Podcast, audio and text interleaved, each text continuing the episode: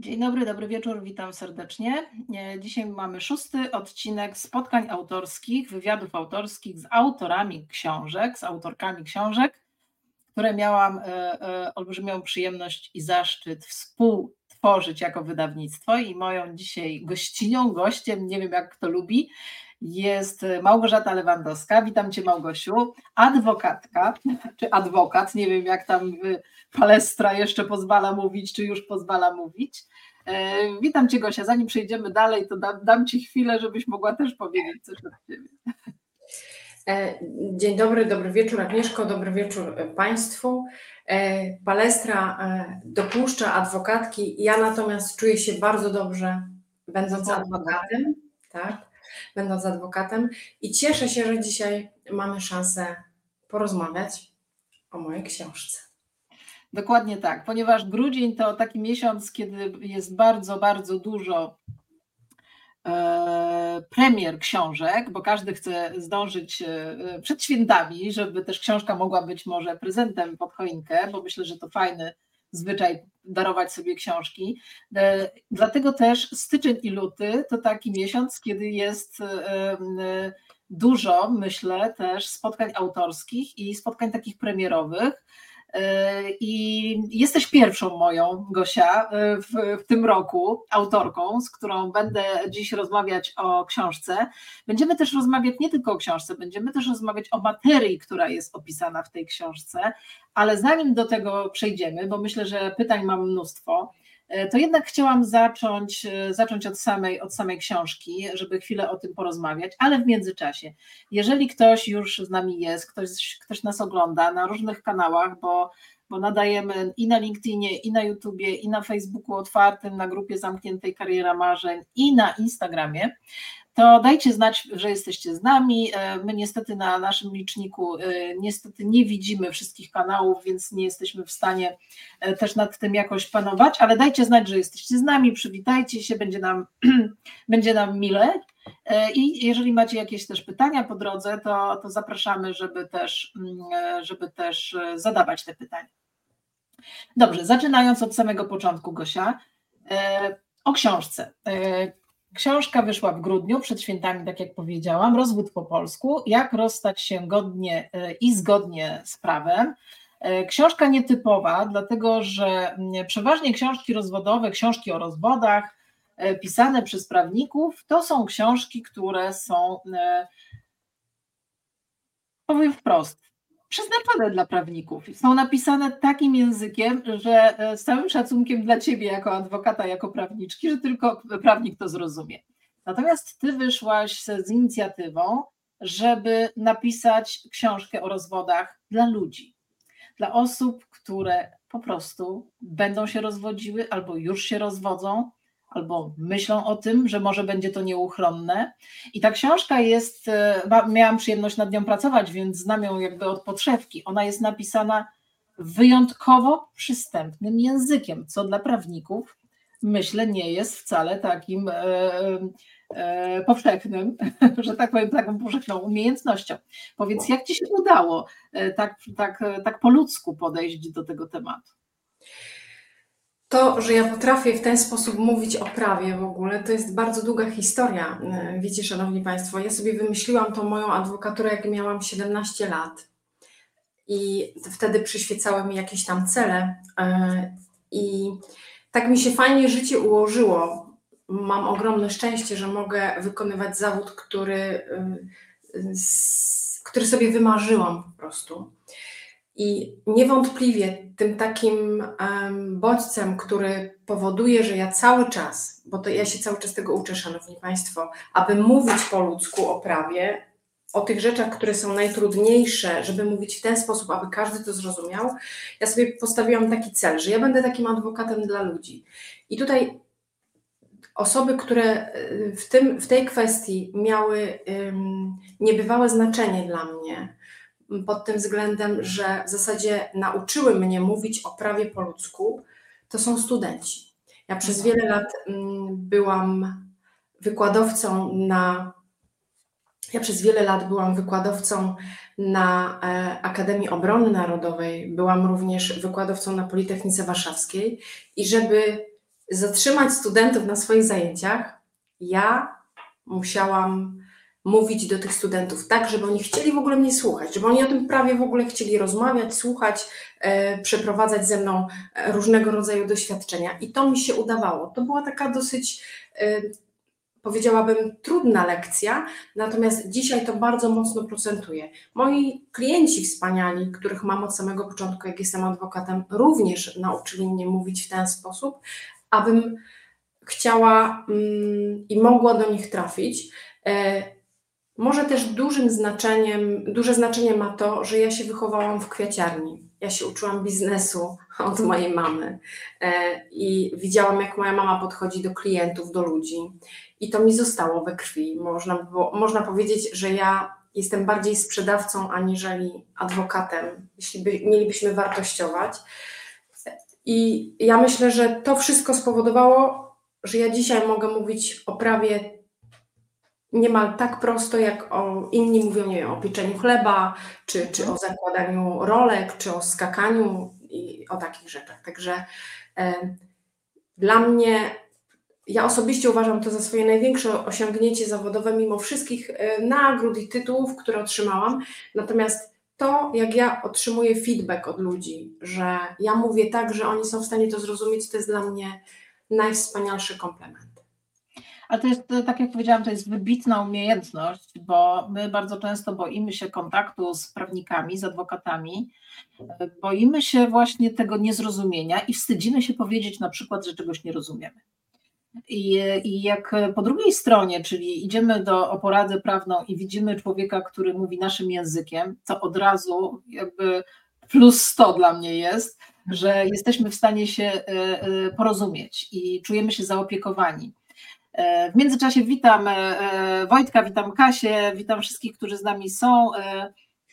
Ja dla takiego też wprowadzenia powiem, że Mm, e, e, że adwokat Małgorzata Lewandowska, e, to nie tylko adwokat, która oczywiście ma swoje olbrzymie doświadczenie zawodowe i mnóstwo sukcesów i mnóstwo nagród, nie mówiąc o, przeczytam kilka tylko, statuetka lidera przedsiębiorczości, wyróżnienie bizona biznesu, wyróżnienie firma dobrze zarządzana, lider usług prawnych i tak dalej, i tak dalej. Więc jakby nie jesteś sobie jakimś tam malutkim adwokatem, tylko naprawdę renomowana firma, ale też wyróżnienie e, Forbes Women Polska. E, to też, to też pokazuje, że jesteś aktywna, bo to wyróżnienie dotyczyło LinkedIna w kategorii mistrzyni link, link, LinkedIna. To pokazuje też, że jesteś w social mediach, że starasz się E, przybliżać tą tematykę, którą się zajmujesz, po prostu e, publiczności, tak to nazwijmy, nawet niekoniecznie Twoim e, klientom, ale po prostu publiczności, czyli od, odczarowujesz te tematy, o których po prostu piszesz, a piszesz podobnie jak w tej książce, piszesz językiem bardzo przystępnym, bo zdradzę tajemnicę tym, którzy książki jeszcze nie czytali, nie kupili. Nie trzeba być w fazie przedrozwodowej, żeby tą książkę nabyć. Myślę, że warto ją kupić chociażby z tego powodu, że nieskromnie powiem, bo przyłożyłam tu swój palec. Ja ją strasznie lubię dotykać. Ona jest taka, taka miła w dotyku, jest ładnie wydana. W środku ma mnóstwo e, kolorowych e, cytatów, kolorowych wstawek, kodów QR, które odsyłają do różnych materiałów i do artykułów na LinkedInie. E, są w tej książce również e, na, w ostatniej części, w ostatnim rozdziale przykładowe wzory wniosków, różnych e, pism, takich, które nam się przydają. Oczywiście sami sobie nie poradzimy w takich sprawach, potrzebujemy wsparcia, ale niemniej jednak jesteśmy w stanie po przeczytaniu tej książki przynajmniej poukładać sobie w głowie, czego potrzebujemy, prawda?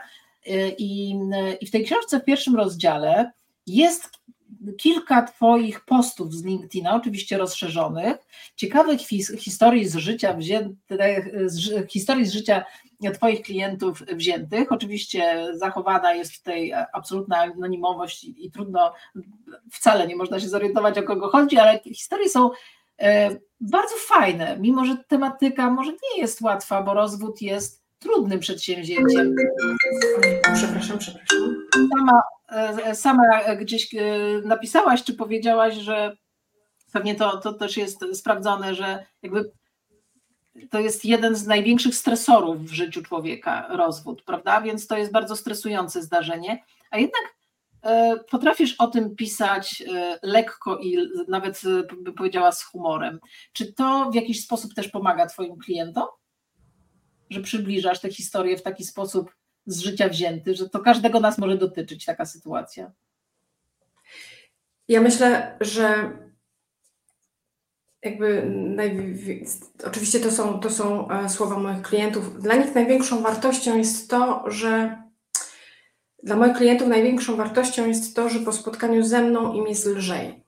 Więc ja mhm. jestem trochę takim psychologiem, trochę, trochę, trochę takim adwokatem, mhm. trochę takim socjologiem. Mówię też z poziomu kobiety, żony, partnerki, matki itd., tak itd., tak bo wiecie Państwo, mm, prawo się rozgrywa na sali sądowej i od tego jakby ja jestem, do tego mnie moi klienci, za to mi moi klienci mm, płacą po prostu.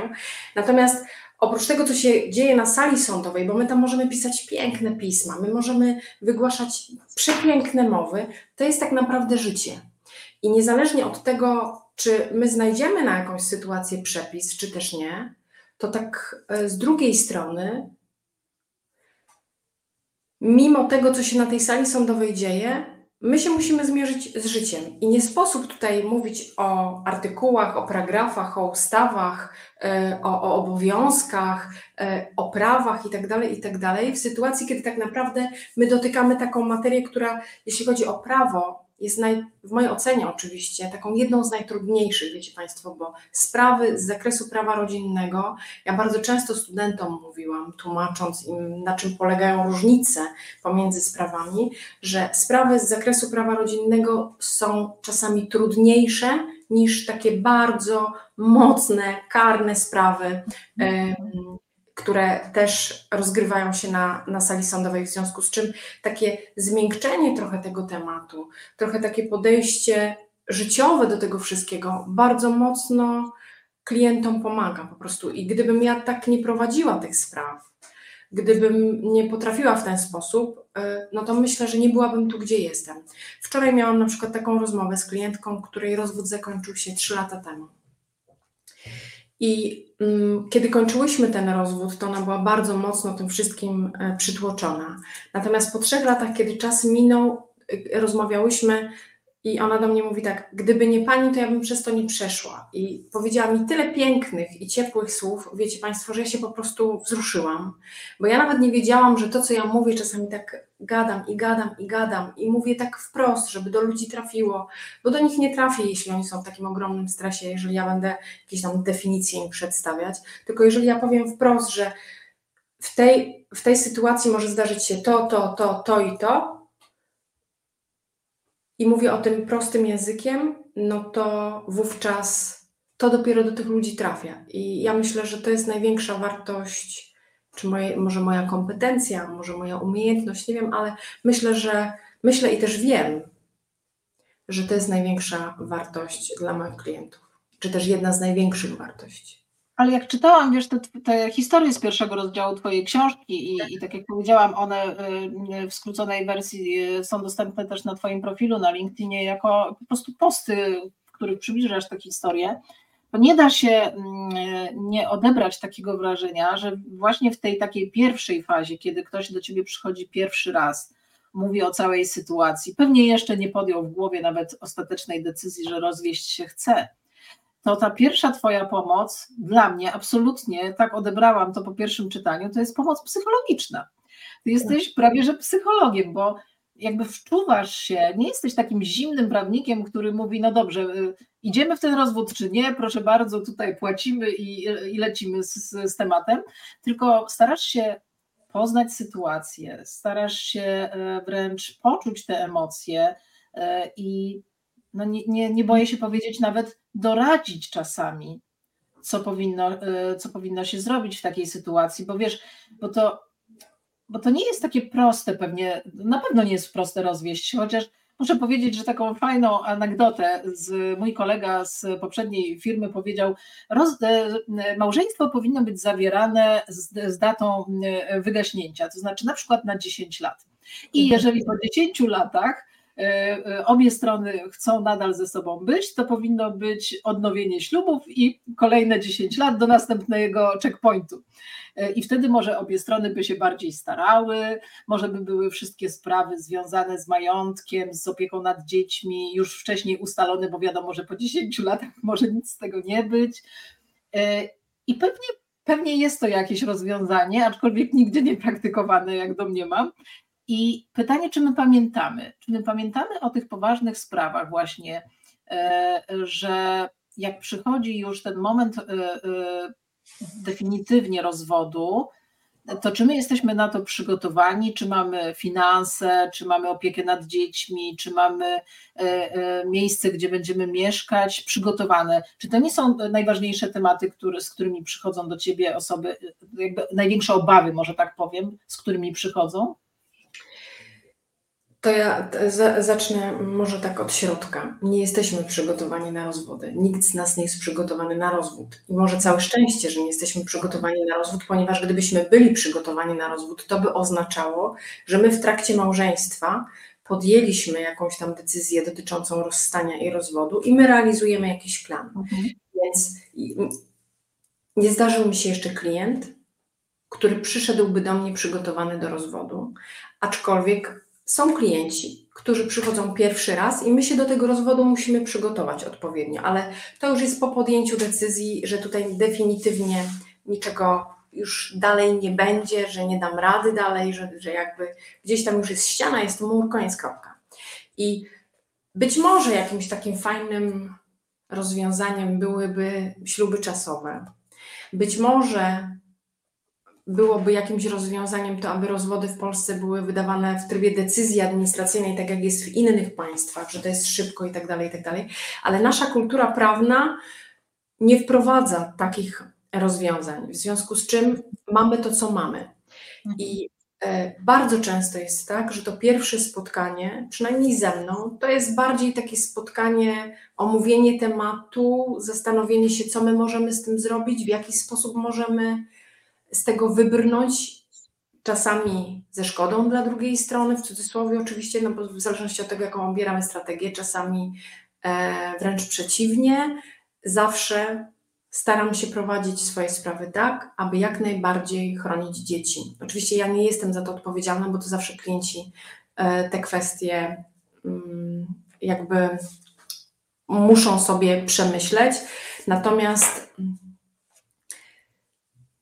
Mam nadzieję, że nigdy nie przytrafi mi się klient, który przyjdzie stricte przygotowany do rozwodu i powie mi od trzech lat myślę o rozwodzie, zrobiłem to, to, to, to, to e, i chcę tak, tak, tak, tak i tak, bo to by znaczyło, że to jest. Nie chciałabym prowadzić takiego mhm. rozwodu. Ja jednak lubię czuć, że ludzie, którzy, których ja prowadzę w rozwodach, um, oni im to małżeństwo albo ten koniec tego małżeństwa jest jakimś takim końcem jakiegoś etapu w życiu, że, że, że dla nich to małżeństwo było ważne, że dla nich to małżeństwo było istotne, bo zupełnie inaczej się prowadzi taki właśnie, taki właśnie rozwód. To myślę, że, że to tak brzmiałaby moja odpowiedź na to pytanie.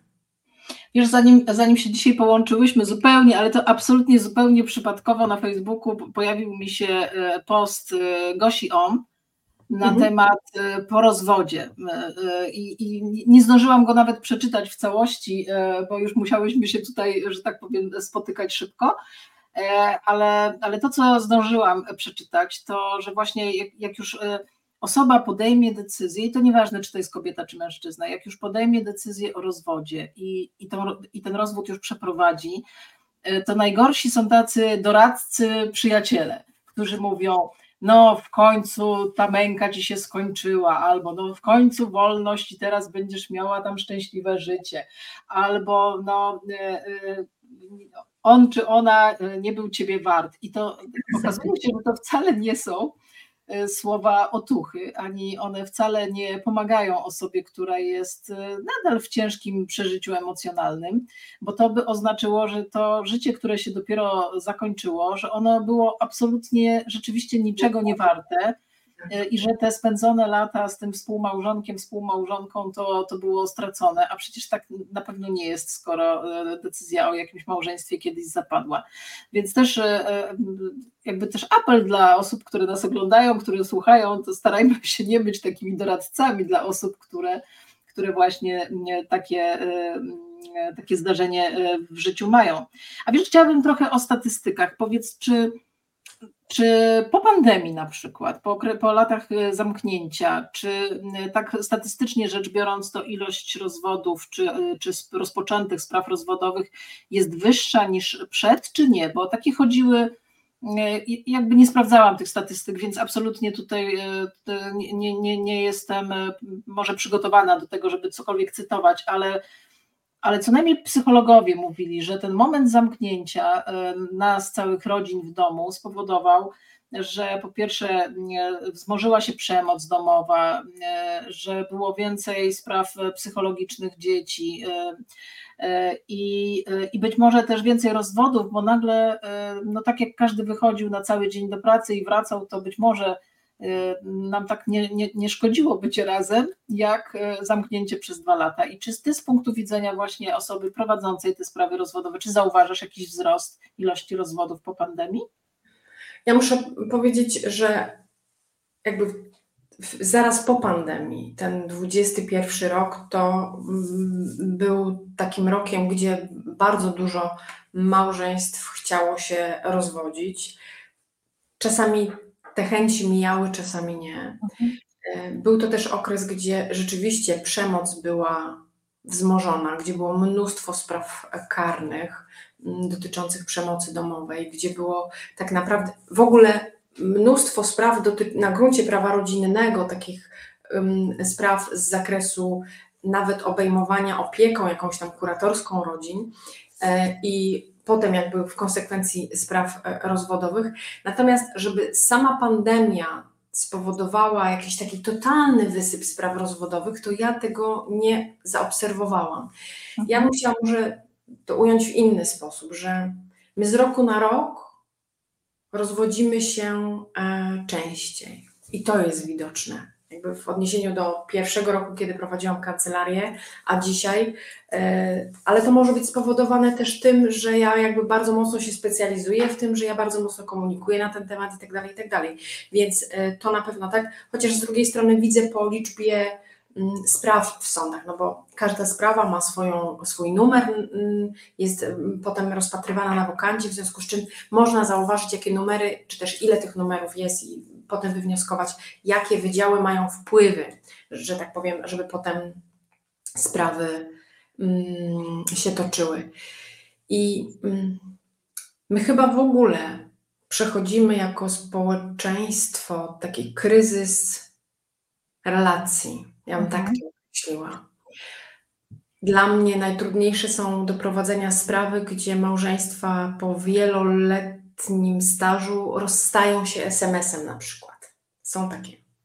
Gdzie jest dwójka dzieci, a jakby małżeństwo nie potrafi się na tyle dogadać, żeby usiąść przy stole i powiedzieć słuchaj stary, albo słuchaj stara, dalej nie da rady. No nie da rady, po prostu nie udźwigniemy tego. E, I ludzie się rozstają, rozwodzą przez SMS-y. To jest przerażające. Komunikują się przez SMS-y, bo ja też widzę, w jaki sposób moi klienci próbują się czasami ze mną komunikować. Ja mam takie zastrzeżenie w umowie, że ja absolutnie nie odpowiadam na SMS-y, bo nie, nie, nie zamierzam czytać. E, czasami to są bardzo, bardzo długie bardzo długie wypowiedzi. Ja nie mam na to po prostu czasu. Jeśli klient potrzebuje się ze mną spotkać, serdecznie zapraszam, czy porozmawiać e, online'owo. Natomiast nie prowadzę tego typu komunikacji, bo ona też jest trudna. Więc jeżeli są takie przypadki, że małżeństwa się rozstają za pomocą SMS-a czy też innego komunikatu na komunikatorze, no to my mamy jednocześnie odzwierciedlenie, jaki jest, jaka jest forma tych naszych relacji. Tak? My w ogóle nie potrafimy dbać o te relacje, my nie potrafimy ich pielęgnować. To, to co powiedziałaś jakby w poprzednim pytaniu, że małżeństwa powinny być e, czasowe, bo bardzo często jest tak, kiedy my już jesteśmy u kresu wytrzymałości, bo dzieci mają po kilkanaście lat, bo już tyle było tych kredytów do zapłacenia, bo już było to do zrobienia, tamto do zrobienia, jeden kryzys, piąty kryzys, dziesiąty kryzys I kiedy ludzie chcą się rozwieść, to bardzo często jest ten moment, że gdyby jeszcze chwilę poczekali, to oni już by zupełnie inną jakość tego małżeństwa mieli, bo oni już tyle dźwignęli, że potem, jak już te dzieci są dorosłe, jak już nie ma takich, takich, takiej spinki, takich wydatków i takich problemów i tak dalej, i tak dalej, to potem to jest po prostu baja bongo, tak? Mhm, potem można sobie kilkanaście lat e, być małżeństwem, czy tam kilka, nawet ponad 20 czy do 20 i wtedy jest po prostu lżej. Ale my chyba jesteśmy tak bardzo przebodźcowani życiem, różnymi rzeczami, które się dzieją wokoło, że trudno, że rezygnujemy, trudno jest nam wytrzymać po prostu w małżeństwach i wolimy zrezygnować z małżeństwa, aniżeli na przykład zrezygnować z rzeczy, które nas męczą. Nie wiem, scrollowanie ekranu kilka godzin dziennie, czy wyjścia ze znajomymi do sławnego czy popularnego pubu, czy baru, czy na drinka, czy na kolację. Jakby nie potrafimy pielęgnować relacji, po prostu. I tego e, ja, ja, ja mam takie, takie marzenie, żeby tego się ludzie uczyli, bo mm, myślę, że jesteśmy w stanie żyć w społeczeństwie, które jest szczęśliwe w małżeństwie, bo w małżeństwach, w małżeństwie. Ja po prostu wiem na podstawie swojego doświadczenia, zawodowego, że to jest możliwe, bo zdarzają się też sytuacje, że przychodzą do mnie klienci i ja mówię, ja nie poprowadzę tego rozwodu, bo to w ogóle nie jest moment na to, żeby was rozwodzić. Wy jeszcze mhm. powinniście spróbować tego, czy tego, czy tego i dopiero wtedy, na przykład jeśli pan czy tam pani chce, żebym ja państwa rozwiodła, spoko, ja to zrobię w przeciągu naprawdę chwili. Natomiast w a oczywiście w przeciągu chwili, w sensie złożenia pozwu i tak dalej, i tak dalej, bo wiadomo, że postępowanie sądowe możemy mieć różną długość. Natomiast jeżeli nie czuję w kliencie tego, że ta decyzja tak jest strzewi, ja nie biorę takiej sprawy, w ogóle ja czegoś takiego nie prowadzę. Nie mam w sobie tyle odwagi, żeby wziąć na siebie taką odpowiedzialność. A już tak nawiązując do Twojej książki i do podtytułu, czy da się rozstać godnie i zgodnie z prawem? Też mam, też mam, proszę Państwa. Też lubię ją dotykać, bo ona jest w ogóle aksamitna. Tu są takie wypustki. No to jest po prostu, no piękne jest, piękne. A widzicie, jak się tak świeci, to tu są takie wypustki. O, o, o. Czy da się rozstać? Da się rozstać. Oczywiście, że się da rozstać. Musimy pamiętać o tym, żeby da, jakby Czasami zdarzają się takie sytuacje, że małżonkowie na siebie narzekają on to był taki sraki i owaki i ona też była taka sraka i owaka, ale z drugiej strony weźmy, ja zawsze powtarzam swoim klientom, jeśli była Pani z tym człowiekiem ileś lat, nie wiem, 5, 10, 15, to znaczy, że to, jak, że on był taki sraki i owaki, w jakimś aspekcie pani odpowiadało i pani tutaj była kompatybilna, więc proszę nie robić z niego czarnego diabła, bo to nigdy nie jest tak, szanowni państwo, że winą za rozpad związku małżeńskiego można obarczyć tylko i wyłącznie jedną osobę, bo zawsze jest tak, że gdzieś to zawinienie drugiej strony się kończy, gdzieś się zaczyna.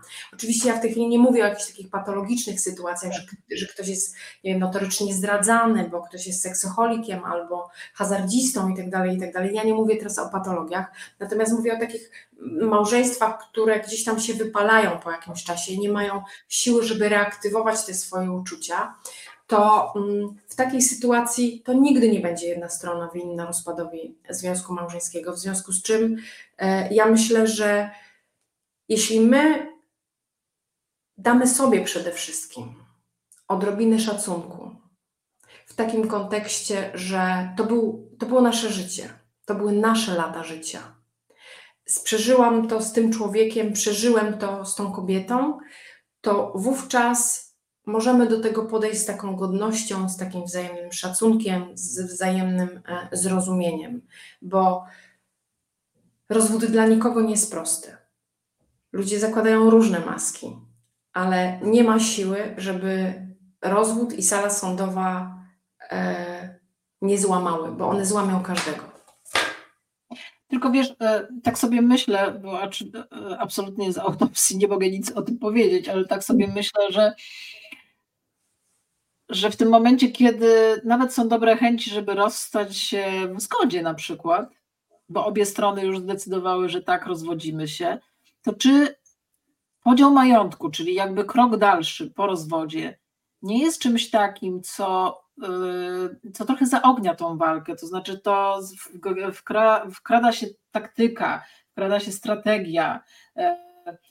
Nawet czasami być może strony nie chcą sobie dowalać za przeproszeniem na tej sprawie sądowej, ale wiedzą, że to jest krok do ugrania czegoś.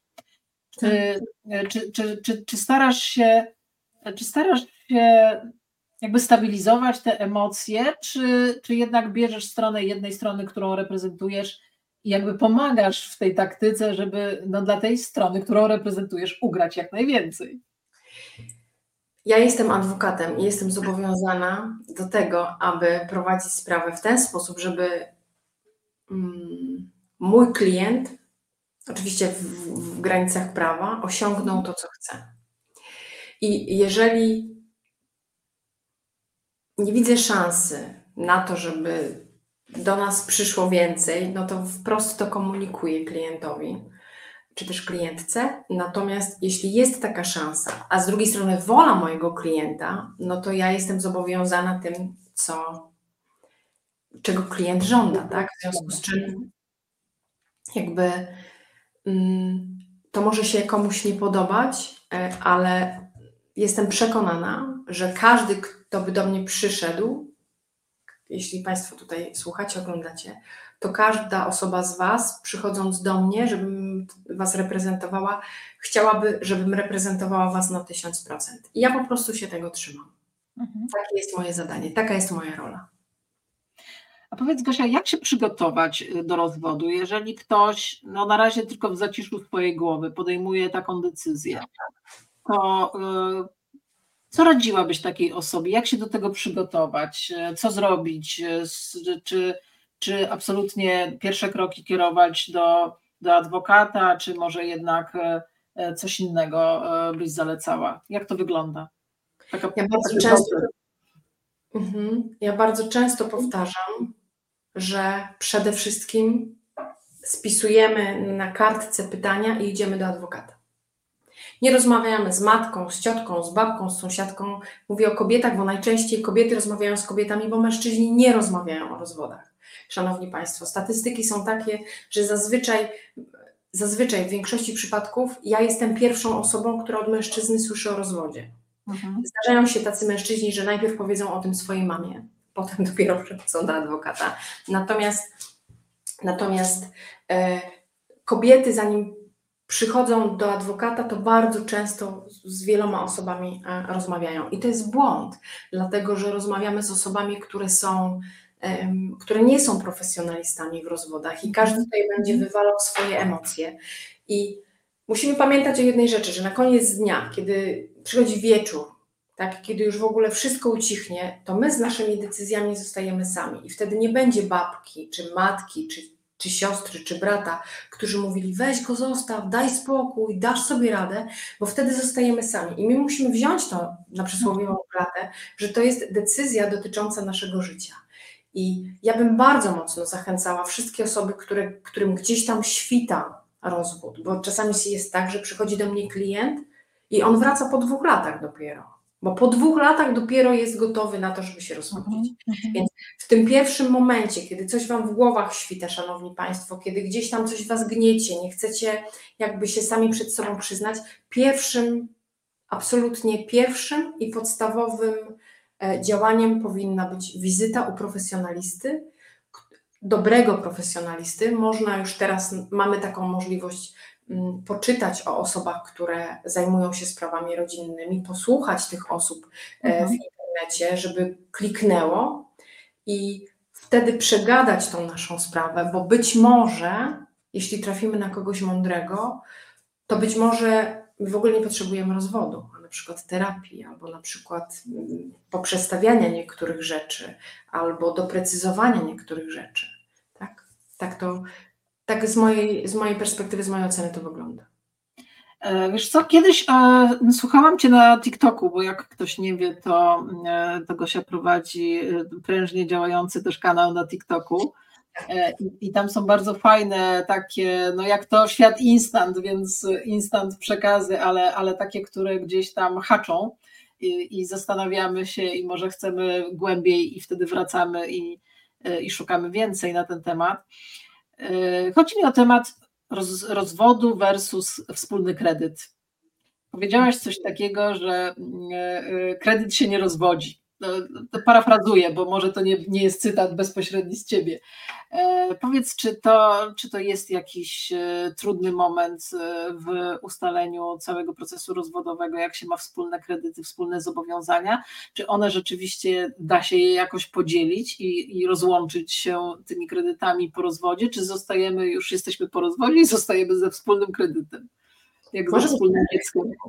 Może być tak, że my jesteśmy po rozwodzie i zostajemy ze wspólnym kredytem, bo tak naprawdę kredyt się nie rozwodzi w tym sensie, że sąd w ogóle nie będzie orzekał, kto ma wziąć kredyt, kto tego kredytu ma nie brać. To jest nasza, e, tutaj jakby piłka jest po naszej stronie i my sami musimy sobie to, yy, sami musimy sobie to w jakiś sposób yy, przeanalizować, pójść do banku, zastanowić się, kto bierze ten kredyt, kto tego kredytu nie bierze, czy będziemy go dalej razem spłacać, bo nieruchomość, którą mamy, jednak zostawimy 50 na 50 i tak dalej, i tak dalej. Sami musimy tutaj znaleźć na to rozwiązanie. Sąd nam rozwiązania na kredyt nie znajdzie. Natomiast ja może trochę z innej strony.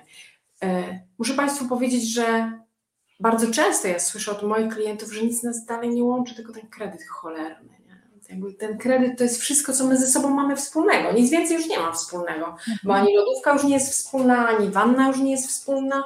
Każdy ma jakby swoje życie. My żyjemy w jednym domu, ale każdy zupełnie z innej strony i w innym miejscu funkcjonuje i zupełnie inaczej funkcjonuje. Także te kredyty, one stanowią e, źródło czasami problemu, zwłaszcza teraz, kiedy mm, trudno jest przepisać kredyt na jedną osobę, dlatego że mm, warunki kredytowe, dlatego że zdolności kredytowe teraz bardzo mocno są chwiejne, banki zmieniają cały czas okoliczności udzielania kredytów itd., tak itd. Tak to na pewno ma związek ze sprawami frankowymi, z tym, że rzeczywiście mamy duży, mm, e, jakby też duży deficyt zaufania, jeśli chodzi o kwestie banków, więc mm, to może stanowić naprawdę spory problem. Natomiast to i tak, i tak jest problem po rozwodzie. Tak? Mhm. Bo kredyt nie stanowi przeszkody w rozwodzie. Kredyt stanowi przeszkodę, czy też może stanowić przeszkodę w tym, żebyśmy podzielili majątek. Wiesz co, a tak yy, yy, czytając też Twoją książkę, jakby rozwód to jedno, ale potem ustalenie opieki nad dziećmi i podział majątku to jest y, jakby kolejne long story. Tak. I e, powiedz, co jest e, tak z perspektywy ciebie jako, jako adwokata, co jest trudniejsze? Podział majątku czy opieka nad dziećmi? Czy jedno i drugie stanowi bardzo podobny ciężar gatunkowy? Moim zdaniem opieka nad dziećmi jest bardzo trudnym tematem pomiędzy małżonkami, mhm. bo to są pierwsze momenty, kiedy oni zdecydowali się na rozwód i y, ja zawsze powtarzam, że zawsze któraś ze stron jest bardziej tym rozwodem zaskoczona. My możemy mówić małżonkowi czy tam żonie, że my się chcemy rozwieść, że nie chcemy już dalej i tak dalej, i tak ale dopóki my nie poczynimy w związku z tym jakichś tam kroków takich realnych, faktycznych, to ta druga strona, wiecie, wiecie, Szanowni Państwo, czasami w małżeństwach jest, jest różne słowa padają, o, może tak, różne słowa padają w, w złości, w kłótni, w jakimś takim, w jakimś takim e, życiowym, na życiowych zakrętach, amokach, tak. Mm, natomiast e, to zawsze jest tak, że ktoś jest tym rozwodem bardziej zawiedziony, że ktoś jest tym rozwodem bardziej dotknięty i z tego powodu układanie opieki nad dziećmi jest bardzo, bardzo trudne. Potem już kwestia podziału majątku, gdy w grę wchodzą e, pieniądze, to już jest zupełnie jakby zupełnie inny kaliber, ja bym to w ten mhm. sposób łatwiej się jest dogadać, no bo tutaj działamy na zasadzie jakiejś tam kalkulacji, tak? Mamy do podziału to, to, to, to i to i teraz jak to zrobimy, tak? Oczywiście, że każdy chce wziąć jak najwięcej, e, albo prawie każdy chce wziąć jak najwięcej, natomiast to jest do ułożenia. Prędzej czy później to można ułożyć. Natomiast bardzo często dzieci są tym ogniwem, które spaja małżonków i które stanowią taką może to jest wyświechtane, Szanowni Państwo, określenie, ale bardzo, bardzo prawdzi prawdziwe, taką taryfę przetargową. I niestety, Moje doświadczenie wskazuje na to, oczywiście mam tutaj na myśli doświadczenie zawodowe, że najczęściej dziećmi grają w cudzysłowie panie. Mhm. E, to jest ten element, którym panie chcą dopiec byłym partnerom, byłym mężom e, i no niestety bardzo często, bardzo często to widzę. Ustalenie planu kontaktów, czy też akceptacja jakichś tam ustalonych kontaktów przez sąd to jest jedno. I jakby niezależnie od tego, czy to jest trudne podczas procesu mhm. rozwojowego, czy też nie, ale potem egzekwowanie tych kontaktów, tak. Wiele jest takich sytuacji, że ojciec idzie, idzie po dziecko i nikt mu nie otwiera na przykład. Albo e, matka postawi, to, to, to, są sytuacje z życia wzięte, dziecko na parapecie i, i dzieciątko kiwa tatusiowi, a tata na dole stoi, po prostu nic nie jest w stanie zrobić. No bo co ma tak? Oczywiście, że może wołać policję, może rozkręcać um, bardzo nieprzyjemne sytuacje, ale skoro w tym wszystkim uczestniczy dziecko, to jest, jest, jest to po prostu bardzo, bardzo trudne. Mamy narzędzia prawne, które są w stanie to w jakiś sposób e, zatrzymać czy, te, czy, też powstrzymać.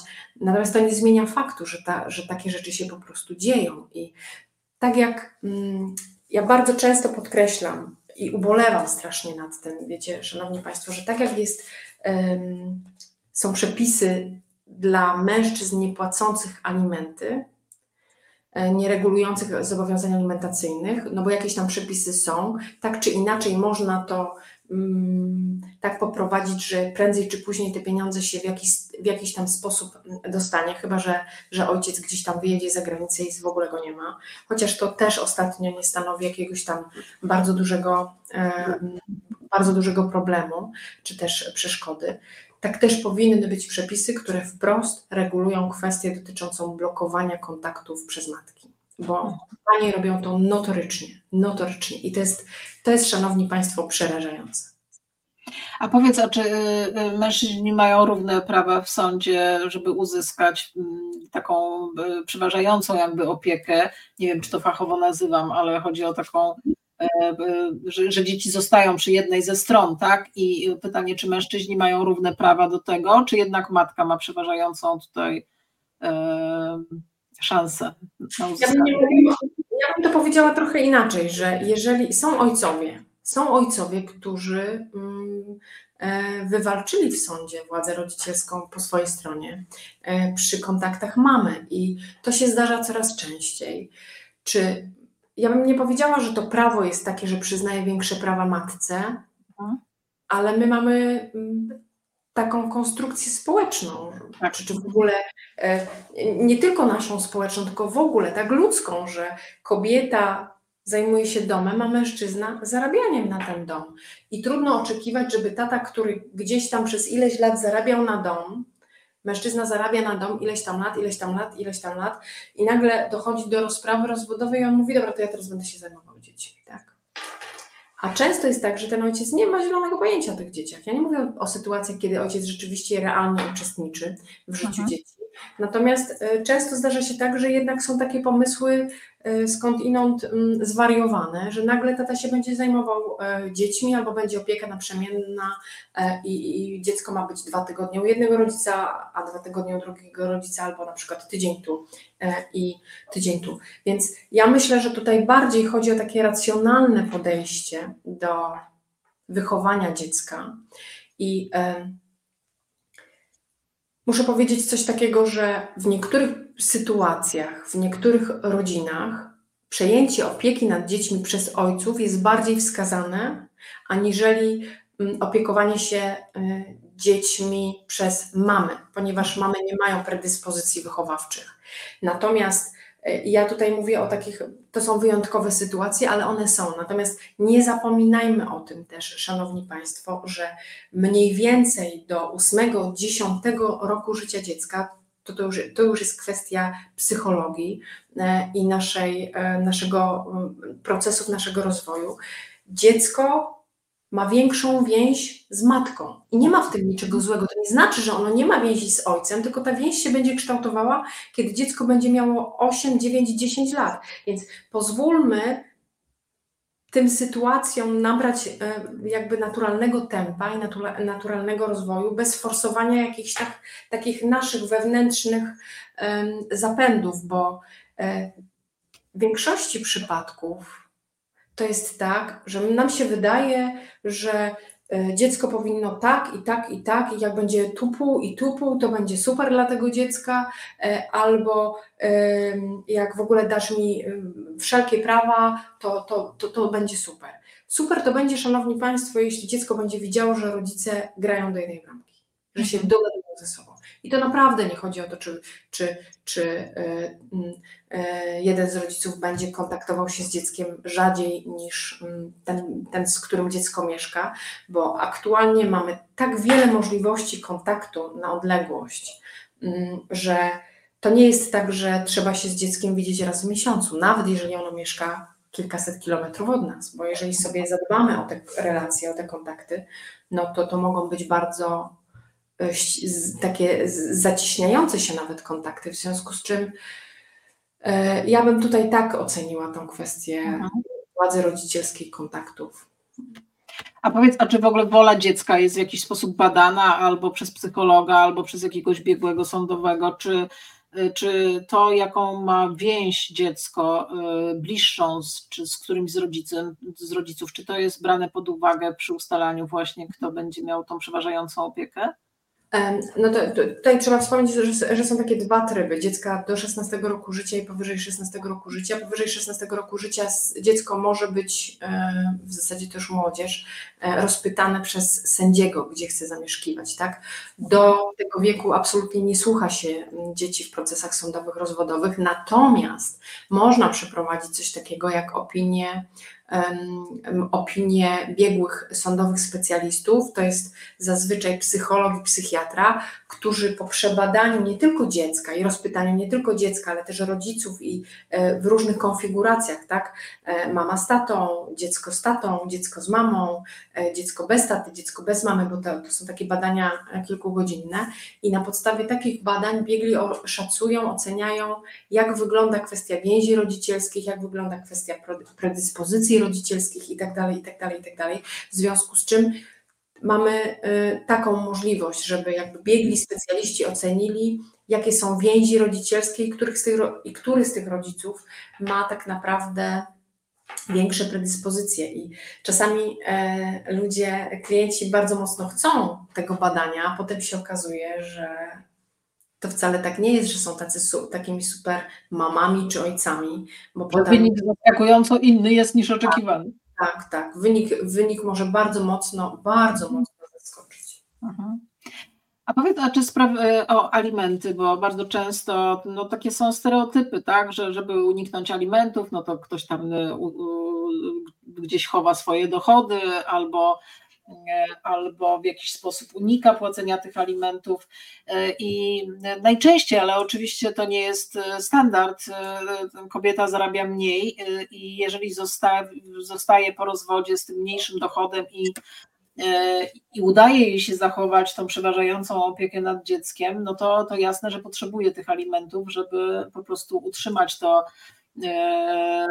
to dziecko, siebie i, i w jakiś sposób funkcjonować.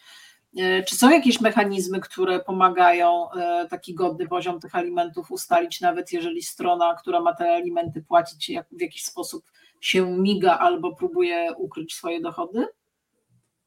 Czy ukrywanie dochodów tutaj wcale nie, nie musi stanowić problemu, dlatego że tak naprawdę sąd przy ustalaniu obowiązku alimentacyjnego będzie brał możliwości zarobkowe pod uwagę, a nie aktualne zarobki. Tak? Miałam wiele takich spraw, gdzie w trakcie na przykład sprawy strona zobowiązana do alimentacji. Nie chcę mówić, że to jest tata, bo to jakby tutaj konfiguracja naprawdę już może być różna, Szanowni Państwo, ale ta strona, która jest zobowiązana do alimentacji nagle bankrutuje. Mhm. No i jakby co tutaj zrobić, tak? Co tutaj zrobić, nie dostanę w ogóle pieniędzy. No to nie jest tak do końca, bo sąd będzie badał obowiązek alimentacyjny.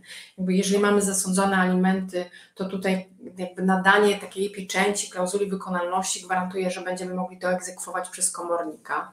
E, jeśli komornik nie będzie mógł nic wyegzekwować, to będziemy to mogli egzekwować w postępowaniu karnym.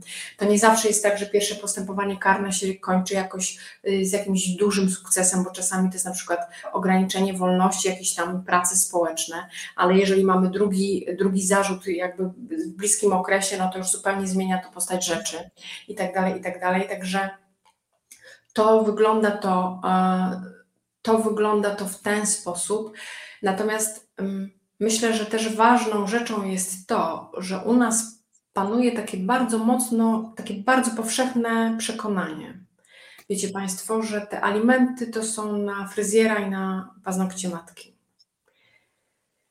I ja, ja, jakby bardzo często to spotykam się z takimi komunikatami podczas live'ów, które prowadzę, a prowadzę je na mediach społecznościowych co tydzień, w związku z czym tam jest mnóstwo, mnóstwo, mnóstwo informacji, jakby mogę dostać. Oczywiście mhm. mam też informacje z tego, co się dzieje na salach sądowych, na korytarzach sądowych, bardzo często słyszę ja ci nie będę płacił takich alimentów i po prostu jest takie o e, i, i różne takie rzeczy. E, także sąd jest wspaniałym miejscem, żeby, żeby doświadczać różnych takich e, ekstremalnych sytuacji.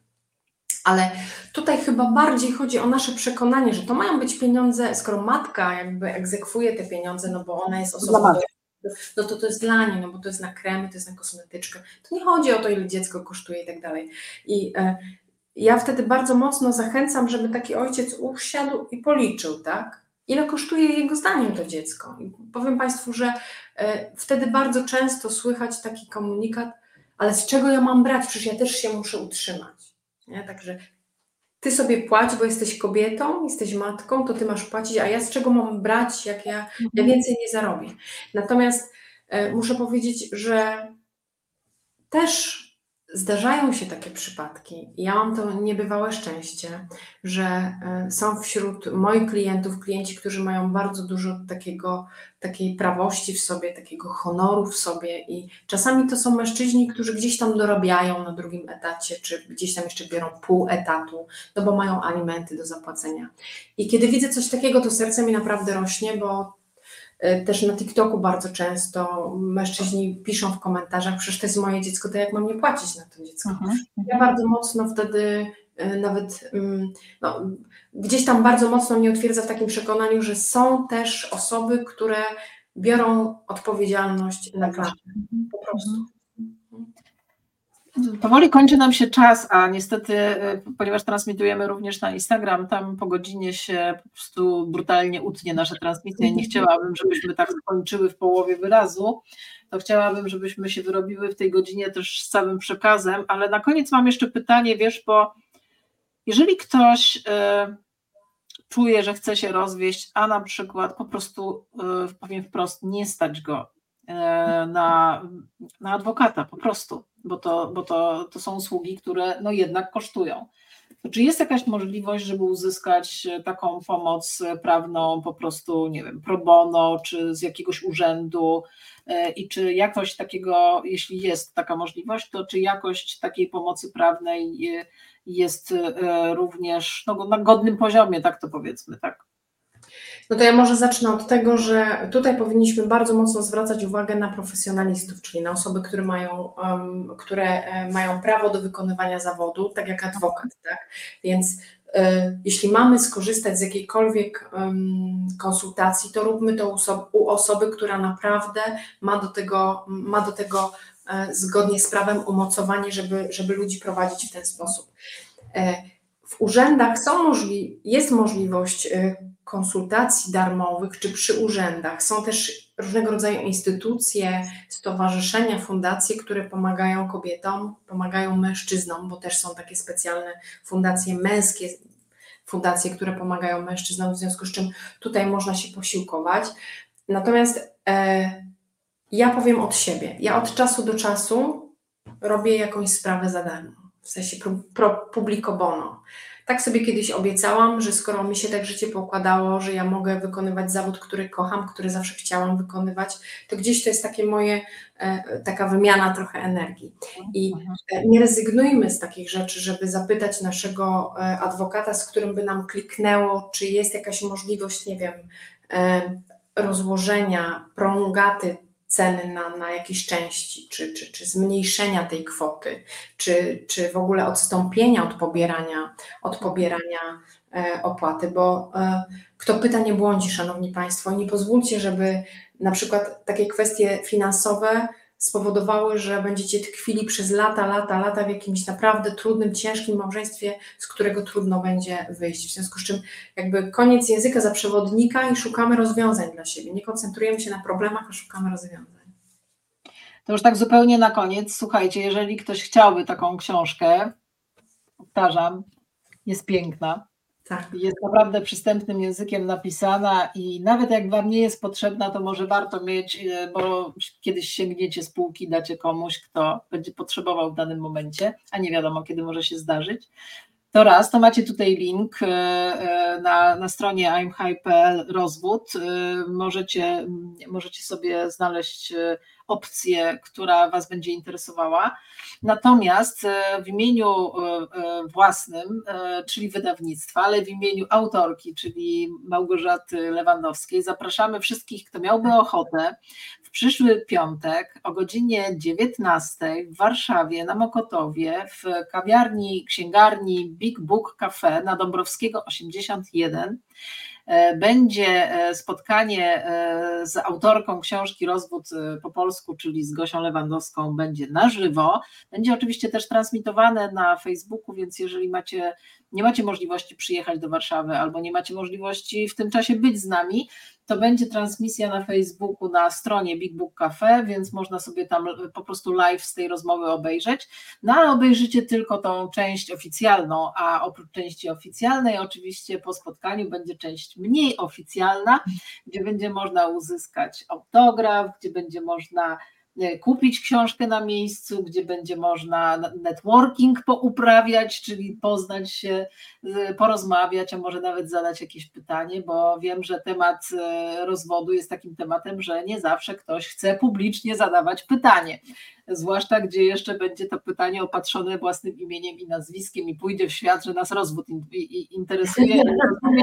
Rozumiem, że nie było pytań, naprawdę rozumiemy to, ale naprawdę można przyjść, e, nawet ze względów networkingowych, żeby miło spędzić piątkowy wieczór. E, zapraszamy serdecznie, zapraszamy w piątek o 19, Big Book Cafe, ulica Dąbrowskiego 81 w Warszawie, w przyszły piątek, godzina 19. Przyjdźcie trochę wcześniej, bo o 19 zaczynamy transmisję online, będzie rozmowa. Rozmowę będzie prowadziła, żebym nie przekręciła e, nazwiska, to proszę Cię Gosia, powiedz Ty. Rozmowę będzie prowadziła Emilia Gawryluk i Emilia Gawryluk jest mistrzem słowa, w związku z czym ja się czuję w ogóle zaszczycona tym, że Emilia będzie prowadziła wieczór. Dokładnie tak, więc e, zapraszamy serdecznie, a ja bardzo serdecznie dziękuję wszystkim, którzy dzisiaj byli z nami. Ci, którzy nie byli, będą mogli oglądać retransmisję, a, e, a jeszcze jutro z, tego, z tej naszej rozmowy będzie też podcast na mm, Spotify'u, więc może są tacy, e, którzy podczas spaceru albo podróży z pracy do domu lub z domu do pracy lubią słuchać, to sobie posłuchają. Bardzo Ci dziękuję, Gosia. Super, cała masa fajnej, ciekawej wiedzy, która mam nadzieję, niech mi się nie przyda, ale książka. Ba bardzo serdecznie dziękuję e, Tobie, Agnieszko, dziękuję Państwu e, za, za to, że zechcieliście Państwo dzisiaj być nas posłuchać. Jest mi ogromnie miło, niezmiernie miło i oczywiście wszystkie osoby, które nie wiedzą, co mają zrobić, zapraszam do książki, bo właśnie dla takich osób jest ta książka. Dokładnie tak. Dobrego wieczoru wszystkim e, i mało skomplikowanych spraw. Otóż to. Dobranoc, bardzo Do zobaczenia, serdecznie. mam nadzieję, w piątek. Do zobaczenia. Dziękuję bardzo.